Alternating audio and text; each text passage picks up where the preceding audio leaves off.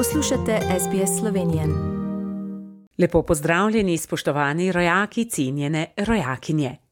V Sloveniji smo na pragu zime v vedno večji stiski zaradi porasta števila okužb zaradi novega koronavirusa. Dnevno zabeležimo okoli 4000 novo okuženih, kar nas uvršča v sam svetovni vrh. Kljub temu je država odprta z vsemi dejavnostmi vred. Otroci se obvezno samo testirajo, poslanci so sprejeli proračun za prihodnji dve leti, cene se višajo, kljub temu pa se že pomalem pripravljamo na praznike. Pa gremo k podrobnostim. Statistika glede novega koronavirusa je v Sloveniji trenutno zelo slaba. Številkami, ki jih gledamo trenutno, se nismo spopadali še nikoli. V tem tednu smo prekoračili nov menik, zabeležili smo več kot 5000 umrlih zaradi COVID-19. Na pomoč v bolnišnice je v tem tednu prišla tudi slovenska vojska, odzivajo se tudi številni prostovoljci. Na pomoč intenzivnim oddelkom COVID-nih bolnišnic odhajajo tudi zaposleni na Onkološkem inštitutu. Obravnava onkoloških bolnikov še poteka nemoteno, če se bo število COVID-nih bolnikov povečevalo, pa grozi krčenje tudi onkoloških programov. Trenutno je hospitaliziranih 1127 bolnikov, zaradi najhujšega poteka bolezni se zdravijo tudi mladi ljudje, na respiratorju je več kot 200 oseb. Kljub trenutno izjemno slabi statistiki, pa je pri nas še vedno veliko ljudi, ki zavračajo vse ukrepe za zaezitev širjenja epidemije, prav tako nasprotujejo cepljenju. Tako imamo z dvema dozama cepljenih manj kot 54 odstotkov ljudi, medtem ko je med cepljenimi veliko zanimanja za tretji poživitveni odmerek, pa je tistih, ki se zanimajo za prvo cepljenje, očutno premalo.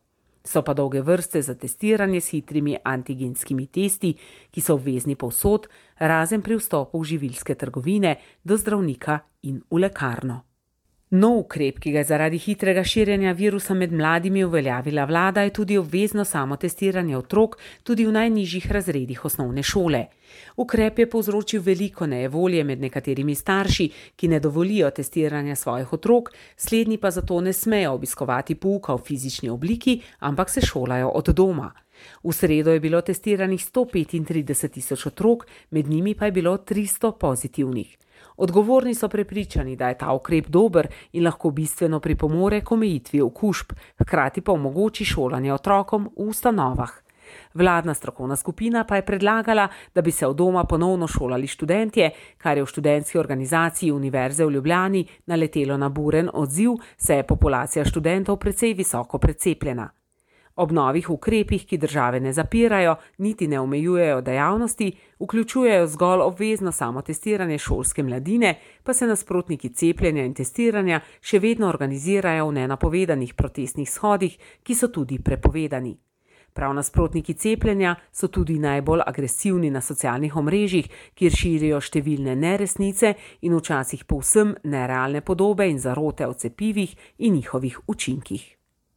V tem tednu poteka tudi redna mesečna seja državnega zbora, na kateri so poslanci potrdili državna proračuna za prihodnji dve leti, ki jo je vlada pripravljala v okoliščinah postopnega ukrevanja gospodarstva po epidemiji COVID-19, a bo ta še naprej zahtevala visoke stroške.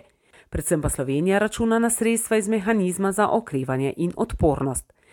Minister je med drugim omenil nove bolnišnice in urgentne centre, šole in vrtce, pa novo sodno stavbo in domove za starejše ljudi, kot tudi financiranje gradnje cest in železnic, naložbe v protipoplavno varnost ter nakup novega transportnega helikopterja in novih obrambnih sredstev.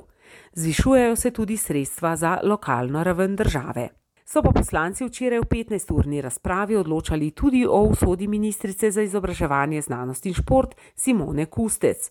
Opozicija je očita, da je bilo ministrstvo v čas epidemije neodzivno, da ministrice nikjer ni in da slabo upravlja svoje delo.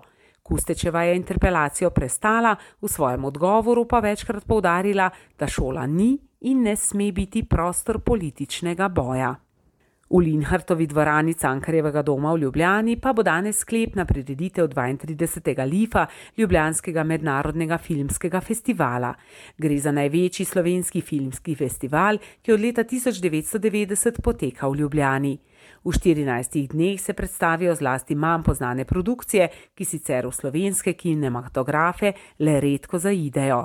Na sklepni prireditvi festivala bodo razglasili letošnje prejemnike nagrad Vodomec, Zmaj, najboljši kratki film ter najboljša filma po izboru žiri Art Kino mreže Slovenije in mladinskega kinotripa. V tem tednu stopamo tudi v adventni čas.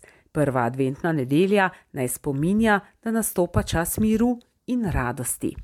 Naj prva svečka na adventnem venčku tudi vam prinese veliko notranjega zadovoljstva in miru.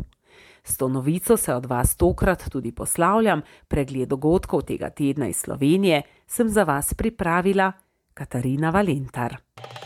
Želite slišati sorodne zgodbe? Prisluhnite jim preko Apple ali Google podcasta, preko aplikacije Spotify ali kjerkoli drugje.